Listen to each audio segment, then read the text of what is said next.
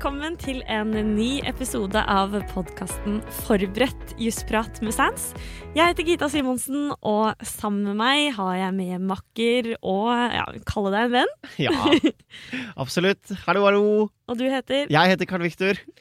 Og Karl Viktor, du er student ved Universitetet i Bergen. Det stemmer. Går eh, tredjeåret. Så jeg hadde jo da erstatningsrett, som er det vi skal snakke om i dag. Det hadde jeg for et år siden cirka.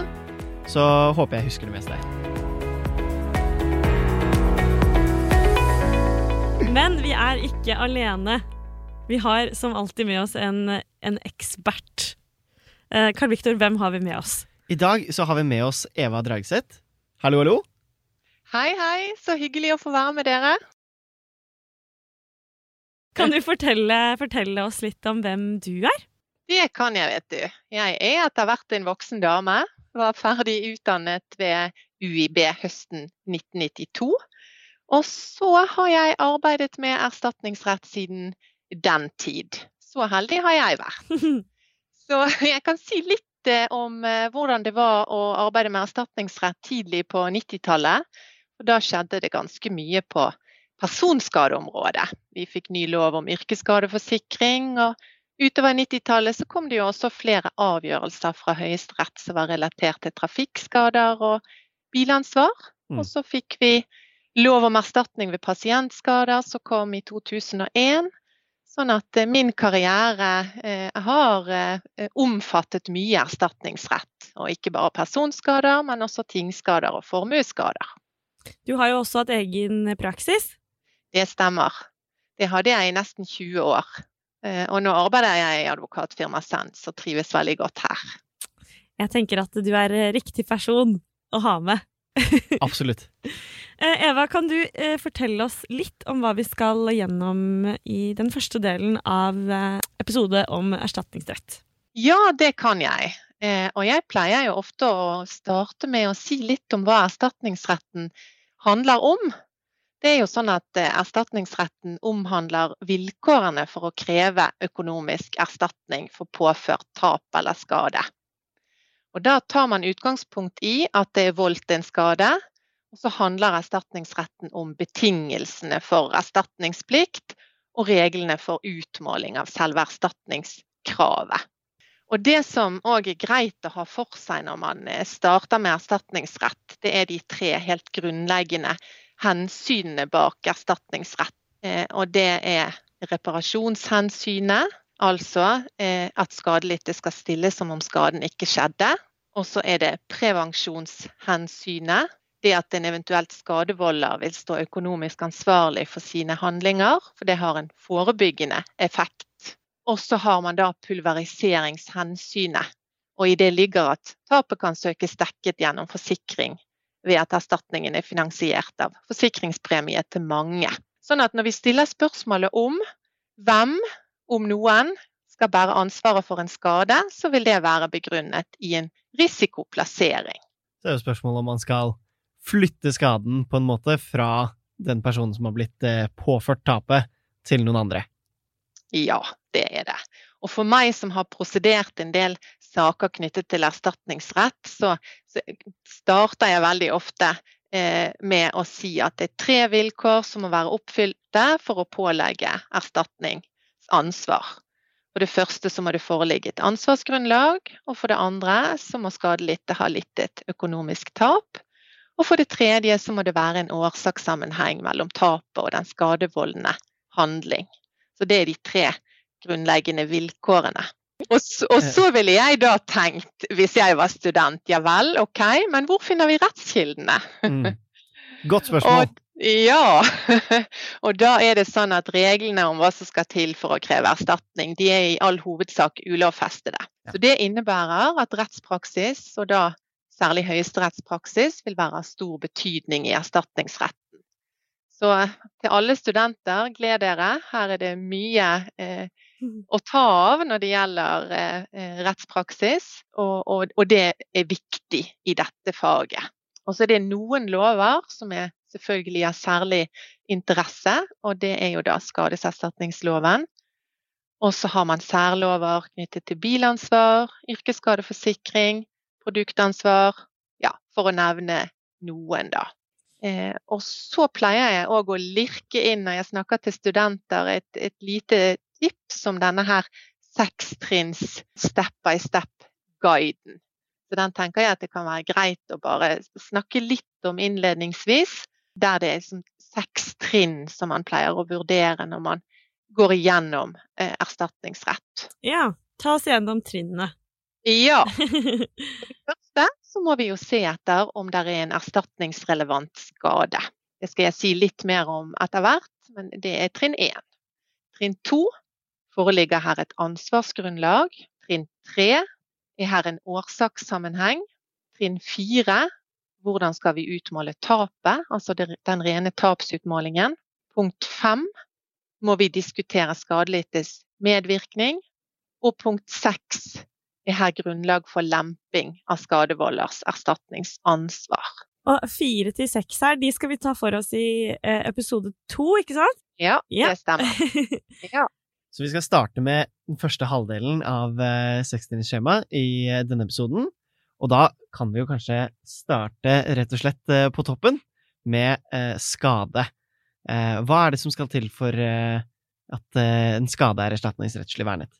Ja, det er gøy å snakke om. vi, kanskje vi skal òg starte med å sondre mellom tingskade, eh, forutsetningsvis av skadeserstatningslovens paragraf 4-1, ja. personskade, lovens paragraf 3-1 og så ren formuesskade. Da har vi liksom sondret mellom disse tre typene av skade. Og det viser jo at det, eh, det, må foreligge et økonomisk tap. Det har jeg allerede sagt, sant? for at skaden skal være erstatningsrettslig vernet. Men så er det to unntak og, som har eh, særskilt rettslig grunnlag. og Det er menerstatning og det er oppreisning, som er de to formene for erstatning for ikke-økonomisk skade som vi har etter norsk rett. Eh, men vi skal se litt på hvilke skader som nyter erstatningsrettslig vern. Jeg syns det er så vidunderlig å si det der. Nyter erstatningsrettslig vern. Høres veldig fint ut. det er en fin formulering. Fordi at det kan jo komme opp eh, en problemstilling eh, på eksamen og diskutere rett og slett om denne skaden nyter erstatningsrettslig vern. Og Da er det noen eh, dommer som vi skal se litt på i denne episoden, som vil belyse hvordan man vurderer og legger vekt på ulike interesser. Og Den første eh, dommen jeg tenker at vi skal se på, det er denne steriliseringsdommen rettstidene 1999 side 203. Den saken eh, gjaldt krav om erstatning for økonomisk tap til oppfostring av et barn som følge av at det ble født et friskt barn selv om det var foretatt et steriliseringsinngrep. Og, og der Høyesterett la vekt på barnet og foreldrene og samfunnets interesser og kom til at det å få et barn, det er ikke en skade. Og da kan heller ikke følgeskadene ha erstatningsrettslig vern. Ja. Slik avgjørelsen tok, altså Det fremgikk av avgjørelsen at her var det et verdivalg. Og da kunne man ikke få erstatning for eh, de utgiftene man hadde? Eh, riktig. En annen eh, dom fra, fra samme tema, altså dette med med barn og, og fødsler og, og, sånn, det er denne fostervannsdiagnostikksaken, rettstiden i 2013, side 1689, eh, som gikk på svikt ved helsehjelp. Altså en, en pasientskadesak, da. Der en, eh, den gjaldt en kvinne som ikke ble tilkjent erstatning for psykiske skader som følge av å ha født et barn med Downs syndrom. Eh, sakens faktum var at hun ikke var blitt tilbudt fosterdiagnostikk. Ja. Eh, ja. Og der det fremgår av, eh, av, dommen at psykiske skader så nært knyttet til fødselen av et barn eh, ikke bør vurderes økonomisk, mm. og derfor ikke har erstatningsrettslig vern. Mm.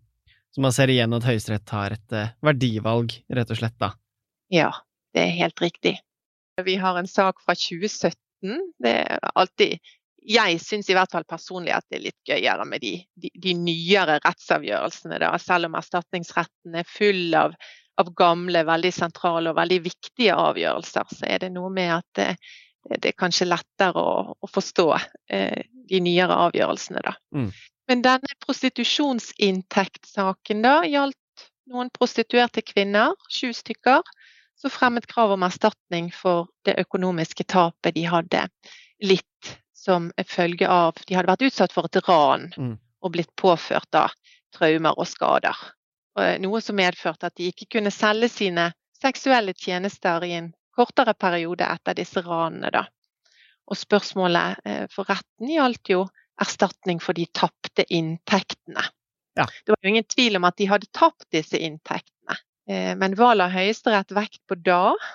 Jo, at man ikke kunne få erstatning for virksomhet som forutsetter at det begås straffbare handlinger. Fordi ja, kjøp av seksuelle tjenester er straffbart under norsk lov, selv om salg ikke er det.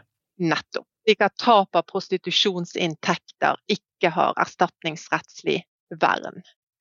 Eh, og flertallet pekte jo også på at kjøp av seksuelle tjenester er straffbart, og at det ut fra en sammenheng i rettssystemet er vanskelig å bygge et erstatningskrav på at slike handlinger vil bli begått. Mm. Ja, med tanke på at vi har jo eh, begrenset med tid i denne podkasten, så skal ikke vi gå innom alle sakene. Men det er jo en del saker som vil kunne belyse akkurat dette med erstatningsrelevant skade. Mm. Eh, leiebildommen er en, der eh, ferie vurderes som en ideell interesse. Ja, i leiebildommen så var det en familie som fikk ødelagt bilen sin et par dager før de skulle på ferie der reparasjonskostnadene da var erstatningsrettslig vernet. Vi kan jo legge, eh, for deg som hører på, så kan vi legge inn noen ekstra lesetips i beskrivelsen av episoden her, så kan du kikke på eh, de mange interessante dommene som faller inn, inn under erstatningsrett.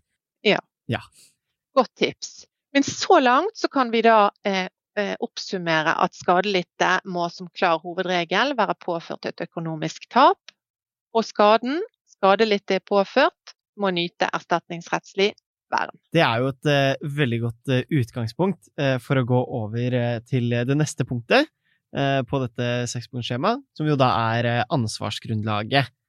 Eh, og da kan vi jo starte med å snakke litt om eh, culpa-ansvaret. Hva er det for noe?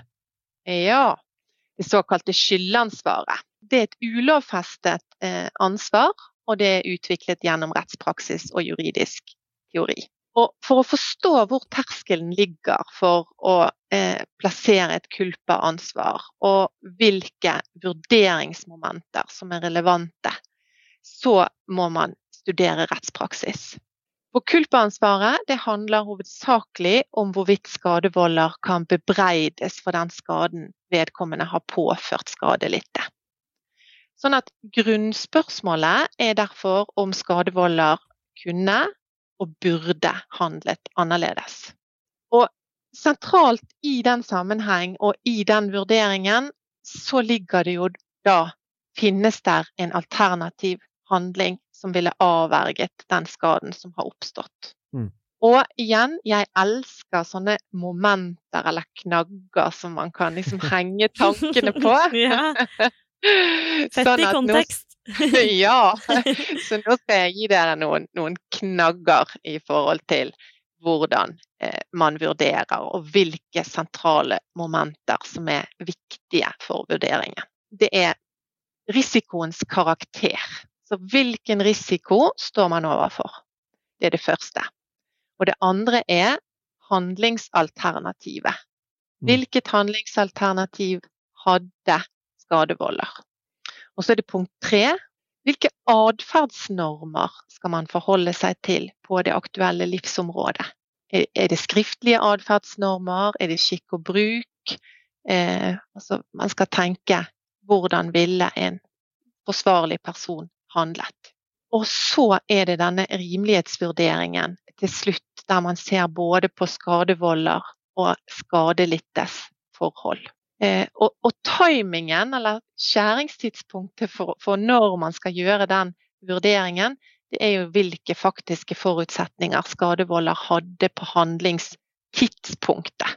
Altså det siste tidspunktet hvor skadevolder kunne ha gjort noe annet for å avverge skaden. Ja, nettopp. Og jeg syns at, eh, at de vurderingene de eh, kan forklares godt hvis man tar utgangspunkt i denne trampettdommen fra Rettstidene 1997, side 1081. Der faktum var at det var en elev som pådro seg en skade etter et mislykket hopp på en trampett i en gymtime. Eh, der læreren ble holdt ansvarlig på grunnlag av uaktsomhet, eh, fordi læreren burde instruert elevene bedre og holdt bedre oppsyn. Den dommen vil eh, illustrere den alternative handling. Hva det denne gymlæreren kunne gjort for å forhindret skaden. For det første fremgår det at det var nokså enkelt for læreren å tydelig si fra til elevene hva slags hopp de kunne foreta, og kanskje òg hvilke hopp de ikke kunne foreta. Og det var en forholdsvis nærliggende risiko at eh, elevene kunne skade seg hvis de forsøkte farlige. Så, så det var én alternativ handling. I tillegg så var det slik at, at læreren nokså enkelt kunne stått ved matten og passet på. I alle fall så kunne han eh, brukt fløyten når han så at de begynte å gjøre eh, farlige hopp. Mm. Så her var det flere handlingsalternativer eh, som denne læreren da med enkelhet kunne foretatt for å unngå skade. Eh, det forelå altså handlingsalternativer som var effektive og praktisk gjennomførbare? Riktig. Mm. I tillegg, hvis man da eh, går inn og vurderer risikoens eh, karakter eller skap, både skadeevne og synbarhet, så er det sånn at skadepotensialet har jo en betydning. Hvilken type skade kan man bli eh, utsatt for? Og da, når man går inn og vurderer det, så handler det både om hvorvidt skadeevnen var synlig for skadevolder, og sannsynligheten for at skadepotensialet inntreffer. Så jeg synes at den trampettdommen veldig godt illustrerer akkurat eh, de vurderingene som gjøres der. Så vurdering av handlingsalternativ, om det er nærliggende, om det er gjennomførbart. Jo enklere handlingsalternativet er å gjennomføre, jo strengere krav stilles til skadevolder. Så har vi jo eh, også en, en gammeldom som eh, viser noe av dette. og Det er den eh, som kalles for jernsplintdommen.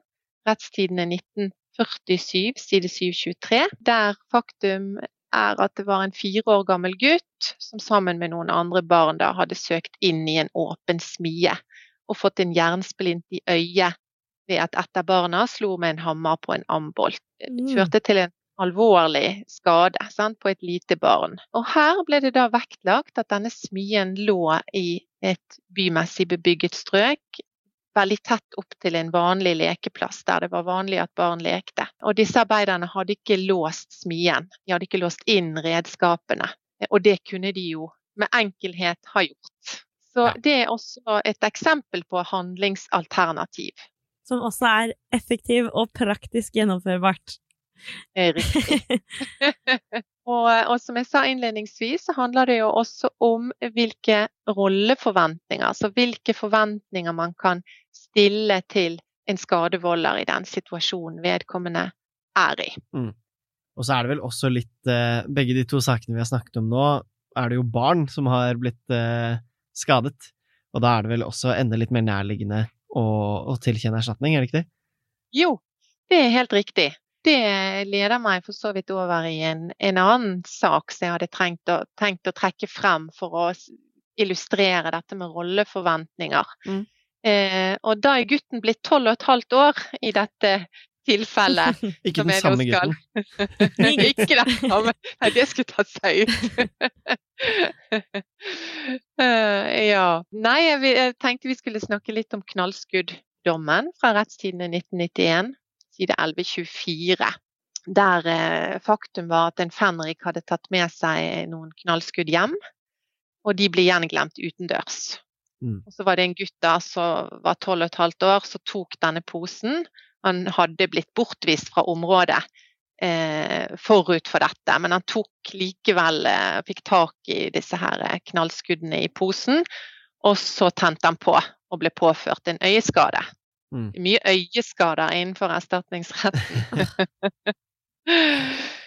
Eh, I dette tilfellet så ble fenriken frifunnet, og det var betydning at knallskuddene lå på et skjermet sted på et privat område. Eh, gutten hadde jo også blitt bortvist fra dette området, og som tolvåring burde han kunne tatt hensyn til bruksanvisningen. Altså rolleforventning. Sant? Gutten var tolv år. Man kan stille visse krav til eh, skadelidte også, og også Ja. selv om de er barn. Ja. Og det med forventninger til skadelidte, det har en side til medvirkning som jeg også skal komme litt nærmere tilbake til. Men hvis vi for eh, pedagogikkens skyld nå bare forholder oss til at nå illustrerer vi dette med, eh, med kulpa og rolleforventninger i den rene kulpa-vurderingen. Ja. Så kan det tenkes at eh, der er noen unnskyldningsgrunner som gjør at eh, man ikke kommer i ansvar. Og da er det en eh, sak som kalles for båtmannsdommen, rettstiden er 1964 side 966, som vil illustrere det. Og den saken omhandler altså skipskapteinens ansvar for mannskapet. Det var en båtsmann som døde til havs under uoversiktlige omstendigheter. Eh, der Høyesterett kom til at rederiet ikke kunne holdes ansvarlig fordi det var usikkerhet om hvordan det burde ha vært handlet. Ja. Sånn at det var, det var en forvirring angående de faktiske forhold som gjorde at dette ble en unnskyldningsgrunn for eh, skadevolder.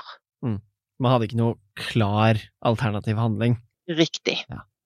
Ja, skal vi gå videre på dette med rolleforventninger, så kan vi flytte fokus fra skadevolder til skadelittgruppen. Mm. Da er det en avgjørelse som kalles for slengtaudommen, eh, som også vil eh, vise forventninger til skadelidte.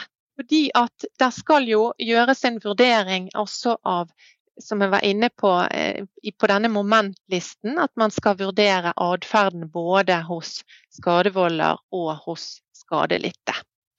Og igjen, det har en side til, til medvirkningsbestemmelsene, men hvis vi bare forholder oss til den rene kulpavurderingen, altså vi er fortsatt på det rene ansvarsgrunnlaget, så vil denne slengtaudommen kunne vise at det også påhviler noen rolleforventninger til skadelidtgruppen. I slengtaudommen så var det slik at det var en ungdom som skadet seg mens han brukte et slengtau.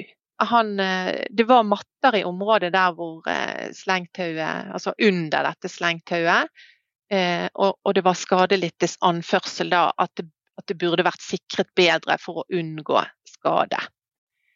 Men i dette tilfellet så så man på atferden til skadelidte, der han åpenbart hadde risikoen for dette. Så han hadde en atferd der han var for uvøren og for vill i forhold til, eh, til denne, utø eh, denne eh, øvelsen, altså hoppe i dette. Eh, Og det var nokså åpenbart at anlegget ikke skulle brukes slik skadelidte gjorde, og at han derfor måtte bære risikoen for dette selv.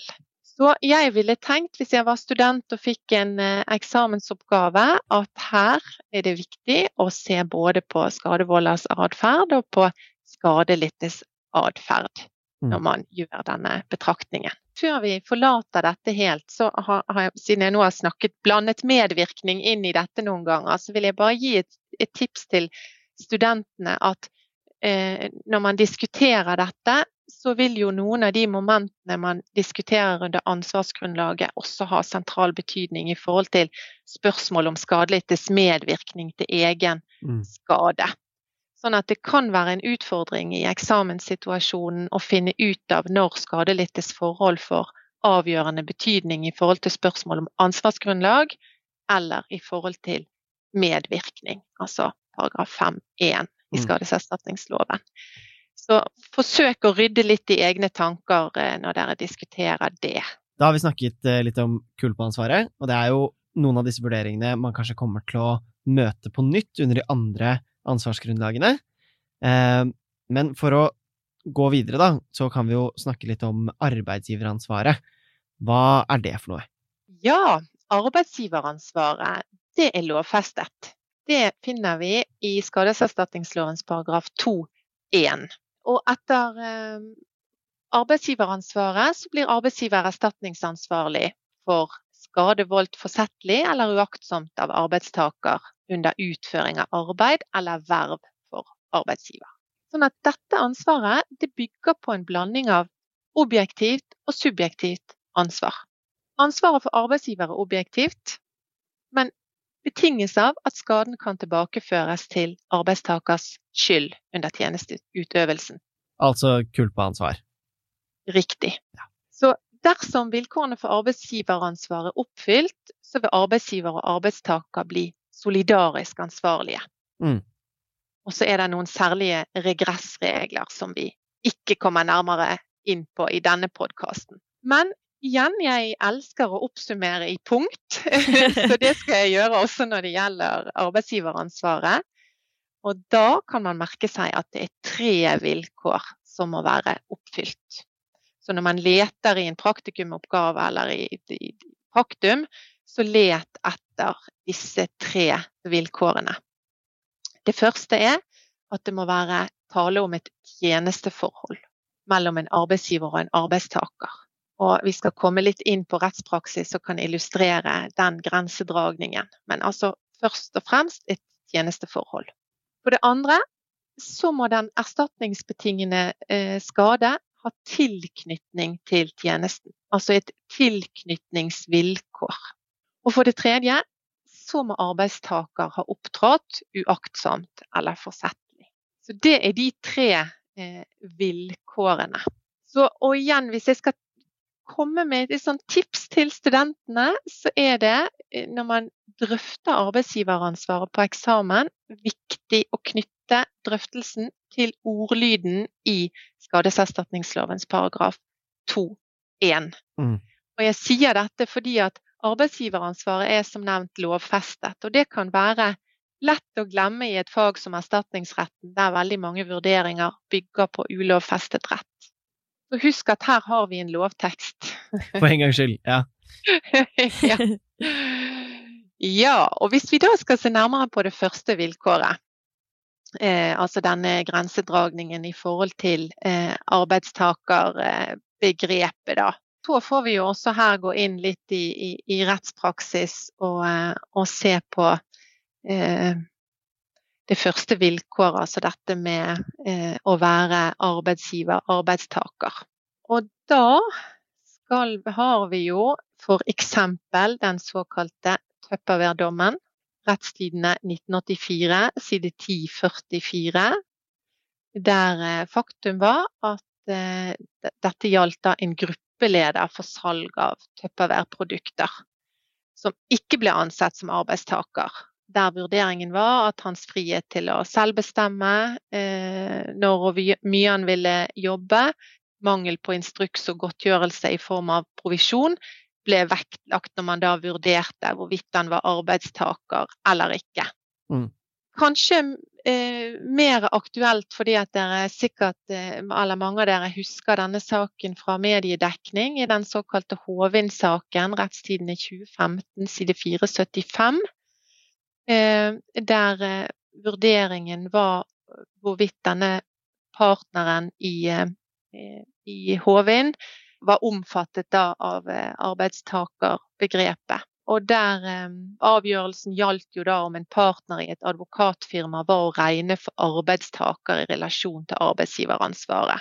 Der vurderingen var at partneren inngikk i Hovins alminnelige arbeidsstokk og var ifølge partneravtalen underlagt selskapets beslutninger om bl.a. disponering av materielle og menneskelige ressurser, oppdragshåndtering osv. Og, og hans relasjon til advokatfirmaet var stabil og varig. Mm.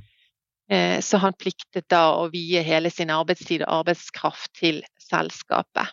Så selv om han da var eh, partner og sannsynligvis da eide en del av selskapet og alt det her, så var han arbeidstaker?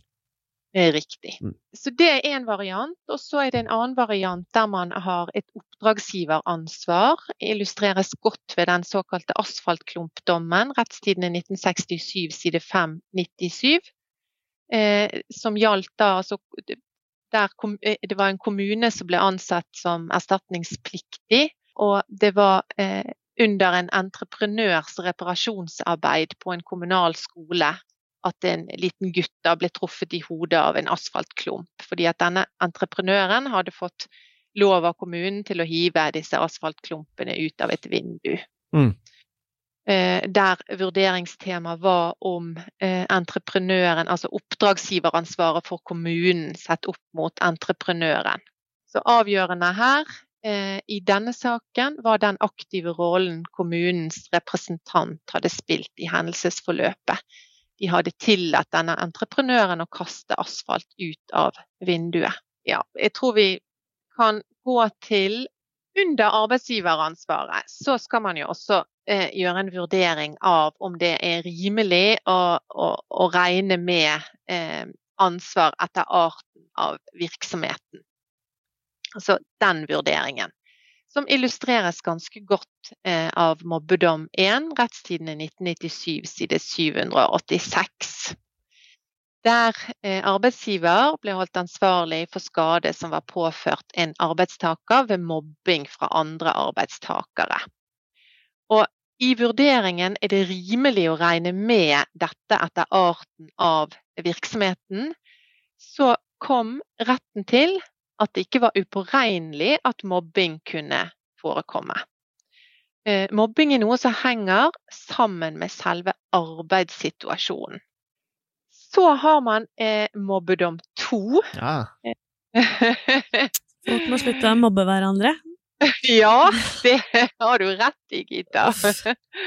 Og mobbedom to, den eh, sier at man også kan komme i ansvar for anonyme og kumulative feil etter skadeserstatningslovens paragraf 2-1. Saken gjaldt erstatningskrav mot en kommune for skader som følge av mobbing i barneskolen. Der Høyesterett kom til at skolens oppfølging hadde vært utilstrekkelig, og at det var utvist uaktsomhet. Det var, det var ikke slik at man kunne finne én å bebreide, men det var summen av feil som førte til ansvar. Altså mm. det kumulative. Hvis jeg som mobbeoffer eh, påvirkes veldig av det her, og jeg trenger masse hjelp, eh, får jeg da Altså blir dommen eh, sterkere, kan jeg si det, enn hvis jeg hadde liksom Ja, jeg rister dette av meg og går videre med livet mitt. Ja, da er du inne på noe veldig interessant som eh, handler om eh, å ta skade litt eh, som hun er på skadetidspunktet. Mm. Som også er et sentralt eh, prinsipp innenfor erstatningsretten. Eh, men som har en side til altså Det er det som heter sårbarhet. Altså du har et erstatningsrettslig vern selv om du er mer sårbar enn andre. Mm. Mm. Og omvendt. Et, og omvendt, ja. Og så har det en side, altså det har en begrensning i forhold til det som da blir å regne som inngangsinvaliditet. Altså hvis, hvis du har en skade fra tidligere.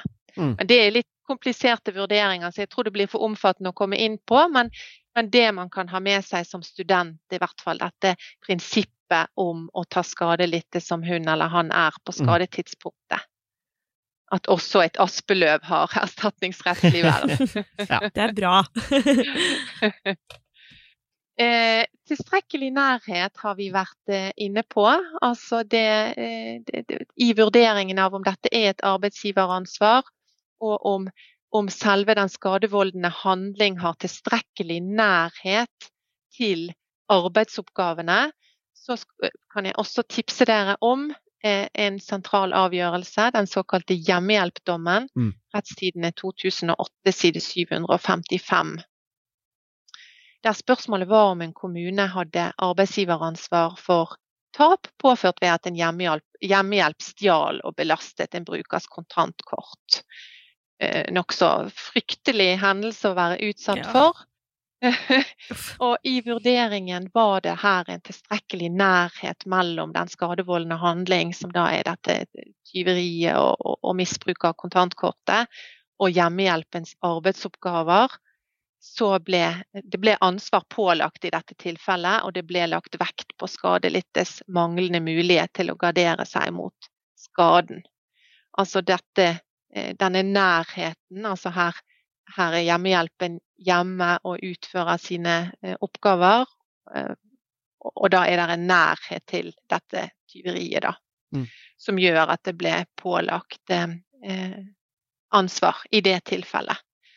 Og, og, for å illustrere det motsatte, så eh, kan jeg si litt om den eh, rengjøringsbyrådommen fra rettstidene 1982 side 1349, der man kom til motsatt resultat. Altså det, det ble ikke pålagt eh, arbeidsgiveransvar, og det var på fjern sammenheng med arbeidsoppgavene. Der faktum var at et rengjøringsselskap hadde avtale om renhold av et varehus. Og noen av vaskehjelpene hadde begått tyveri i arbeidstiden. Mm. Eh, og der ble det vektlagt at den eneste sammenhengen mellom tyveriene og selve arbeidet var at de fikk adgang til dette varehuset. Da. Så, så det var for fjernt i forhold til eh, arbeidsoppgavene forvirrende, men uh, sikkert ikke for studentene som lytter. Nei, men det, det, er et godt tips å lese disse avgjørelsene. Det, mm. det er flere andre sentrale eh, avgjørelser knyttet til dette med nærhet og fjernhet. Vaktmesterdommen 1996 side 385. Eh, DNB-dommen, rettstidene 2000 side 211. Eh, I DNB-dommen der ble banken holdt ansvarlig for tap voldt ved bedrageri, der mm. en av eh, bankens ansatte medvirket. Eh, der ble det vektlagt at bankfunksjonærens handlinger var foretatt i nær sammenheng med hans arbeidsoppgaver. Så disse sakene vi nå har vært inne på, de er vel verdt å, å, å lese. For å kanskje sammenfatte litt da, om arbeidsgiveransvaret så handler det jo i stor grad om at man har en sånn kulpa-vurdering inne der, men det er litt andre momenter som også kommer inn for å finne ut hva slags aktsomhetsterskel man må vurdere ut fra, ikke sant? Det er riktig. Uh, skal vi da gå videre, kanskje, snakke litt om det ulovfeste objektive ansvaret? Det skal vi. Og hva er det for noe? Ja, i norsk erstatningsrett så gjelder det et generelt ulovfestet objektivt erstatningsansvar. Og objektivt eh, ansvar det betyr at en skadevolder kan bli erstatningsansvarlig uavhengig av om vedkommende har utvist skyld. Mm.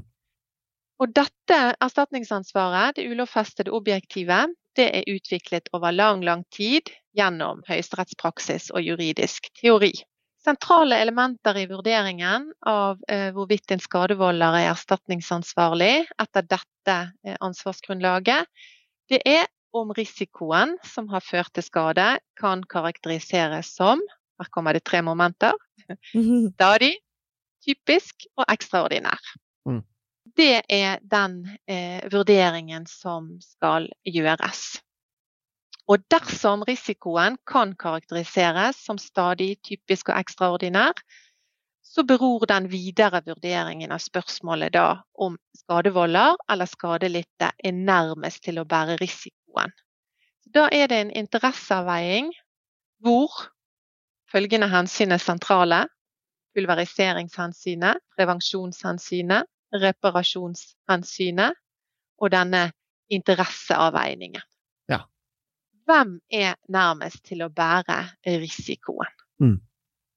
Det er et helt sentralt spørsmål. Eh, ja, og igjen så må vi jo da inn i rettspraksis for å eh, forstå dette, og for å se nærmere på det. Og jeg har tenkt å starte med å vise til den såkalte røykedommen, rettstidene 2003, side 1546. Eh, og den tror jeg at mange er kjent med det eh, var dette eh, tobakksselskapet som da ble saksøkt, og der retten kom til at ansvar ikke ble pålagt tobakksselskapet fordi at farene ved røyking var kjent, og skadelidte selv var nærmest til å bære risikoen.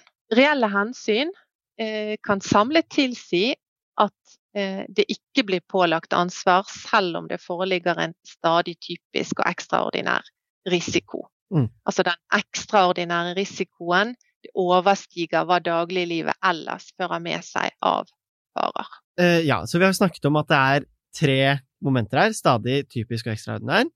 Uh, og hvis vi skal starte med stadig, da. Hva betyr det at en risiko er eh, stadig?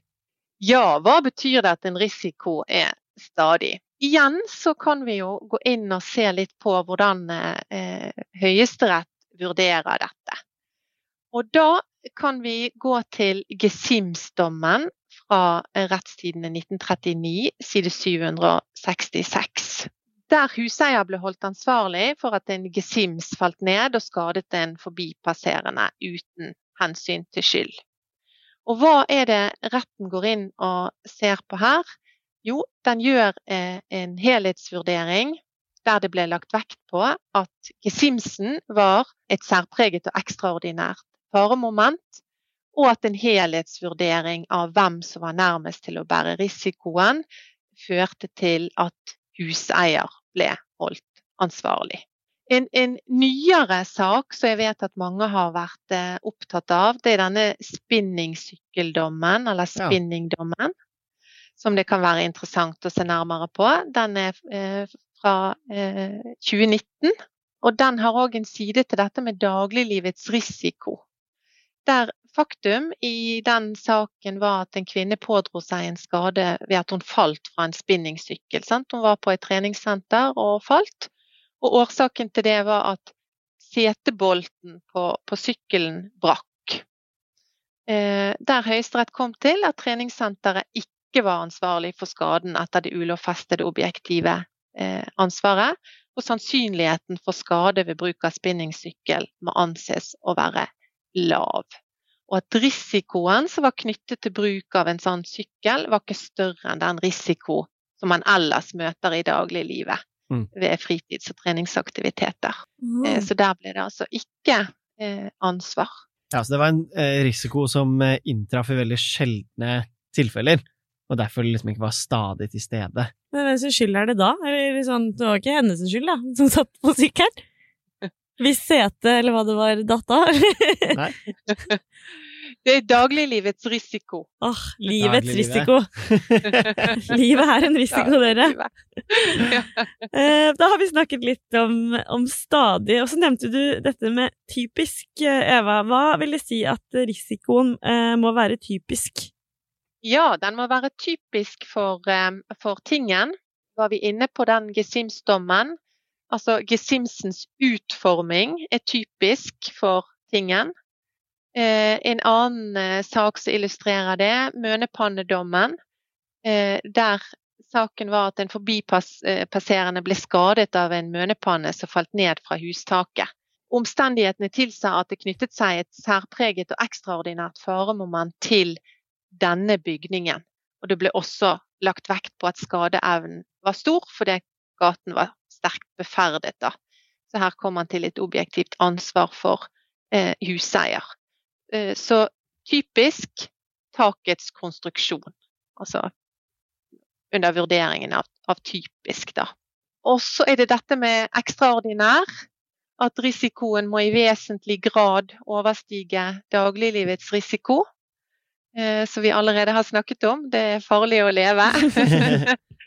og ikke enhver eh, skade har erstatningsrettslig vern. Mm. Eh, men i vurderingen altså, ligger det her en risiko som i vesentlig grad overstiger dagliglivets risiko. Eh, jeg kan trekke frem gulvlukedommen, der en restaurant ble holdt ansvarlig på objektivt grunnlag etter at en gjest kom til skade som følge av å ha åpnet en gulvluke og falt da fire-fem meter ned. Den skaderisikoen var eh, ekstraordinær, overstiger det man kan forvente når man eh, går på restaurant. ja, det vil jeg si. og det er vel eh, det er vel Den dommen handlet vel om enhjørningen, så det er jo noe bergensstudentene kan tenke på neste gang de tar en tur ned på Bryggen. Kan de gå og se på den gulvluken og ikke falle nedi. Sightseeing. Og ikke falle nedi, ja. Ah, så, men den viser godt uh, vurdering av ekstraordinære vilkåret. Ja. Der uh, det avgjørende risikomomentet er om det overstiger dagliglivets risiko. Selvfølgelig ligger der også noen andre hensyn, eh, pulveriseringshensynet, kan man forsikre seg mot dette osv. Ja. Ja, sant. Jeg kan bare knytte noen kommentarer også til den røykedommen som vi all allerede var eh, inne på og gikk gjennom. Sant? At selve røykingen hører jo til dagliglivet. Eh, risikoen for skade overstiger hva dagliglivet ellers fører med seg av farer. Mm. Den er litt interessant å lese for å, å se hvordan dette blir vurdert. Da. Ja, nettopp. Mm. Ja. Mange elementer man skal eh, tenke på. Ja, det er det. Og det, det mye vi skal gjennom i denne podkasten. Så jeg tror vi skal eh, rushe litt videre eh, og si litt eh, kort om bilansvaret. Som er eh, også et eh, objektivt ansvar, men lovfestet. Forkortes BALL. og det er rettsgrunnlaget for, for selve bilansvaret, der plattformen eller utgangspunktet er at det skade en motorvogn gjør. Mm. Gjør Gjør-vilkåret som har vært eh, diskutert i noen avgjørelser, og som kan problematiseres. Altså er dette eh, motorvogn som gjør skade. Mm. Sant? En naturlig språklig forståelse er jo eh, når bilen kjører på en person eller en annen bil. Eh, men hva hvis eh, eh, bakluken treffer en person i nakken, eller man faller ut av en trailer, eller det er, er mange vurderinger som kan gjøres i forhold til dette ansvarsgrunnlaget også. Mm. Og så pleier jeg òg å, å, å, si at uh, vurderingstemaet i forhold til uh, dette så, som går på mer enn bare lite til last, altså vurdering knyttet til, til medvirkning og skadelidtes rolle, så kan det være interessant å se på denne bilbeltedommen fra rettstidene 2005, side 887. Jeg pleier også når jeg snakker om bilansvar å si at det, det er et ansvarsgrunnlag som godt illustrerer at man kan være omfattet av flere ansvarsgrunnlag. Mm. Fordi at man kan godt være yrkessjåfør og være omfattet av yrkesskadedekningen samtidig som det er et bilansvar. Det går godt an at det er flere ansvarsgrunnlag som kan være aktuelle å diskutere. Ja. men da var vi kort innom bilansvar, og eh, vi skal ha med oss deg, Eva, videre i neste episode. For denne eh, podkasten om erstatningsrett den har vi delt i to. Og eh, i episode to, som også ligger klar i spilleren din nå, der skal vi snakke mer om årsakssammenheng, medvirkning og lemping. Er det riktig? Ja, det stemmer. Det stemmer. Da ses vi snart. Ha det bra! Ha det bra.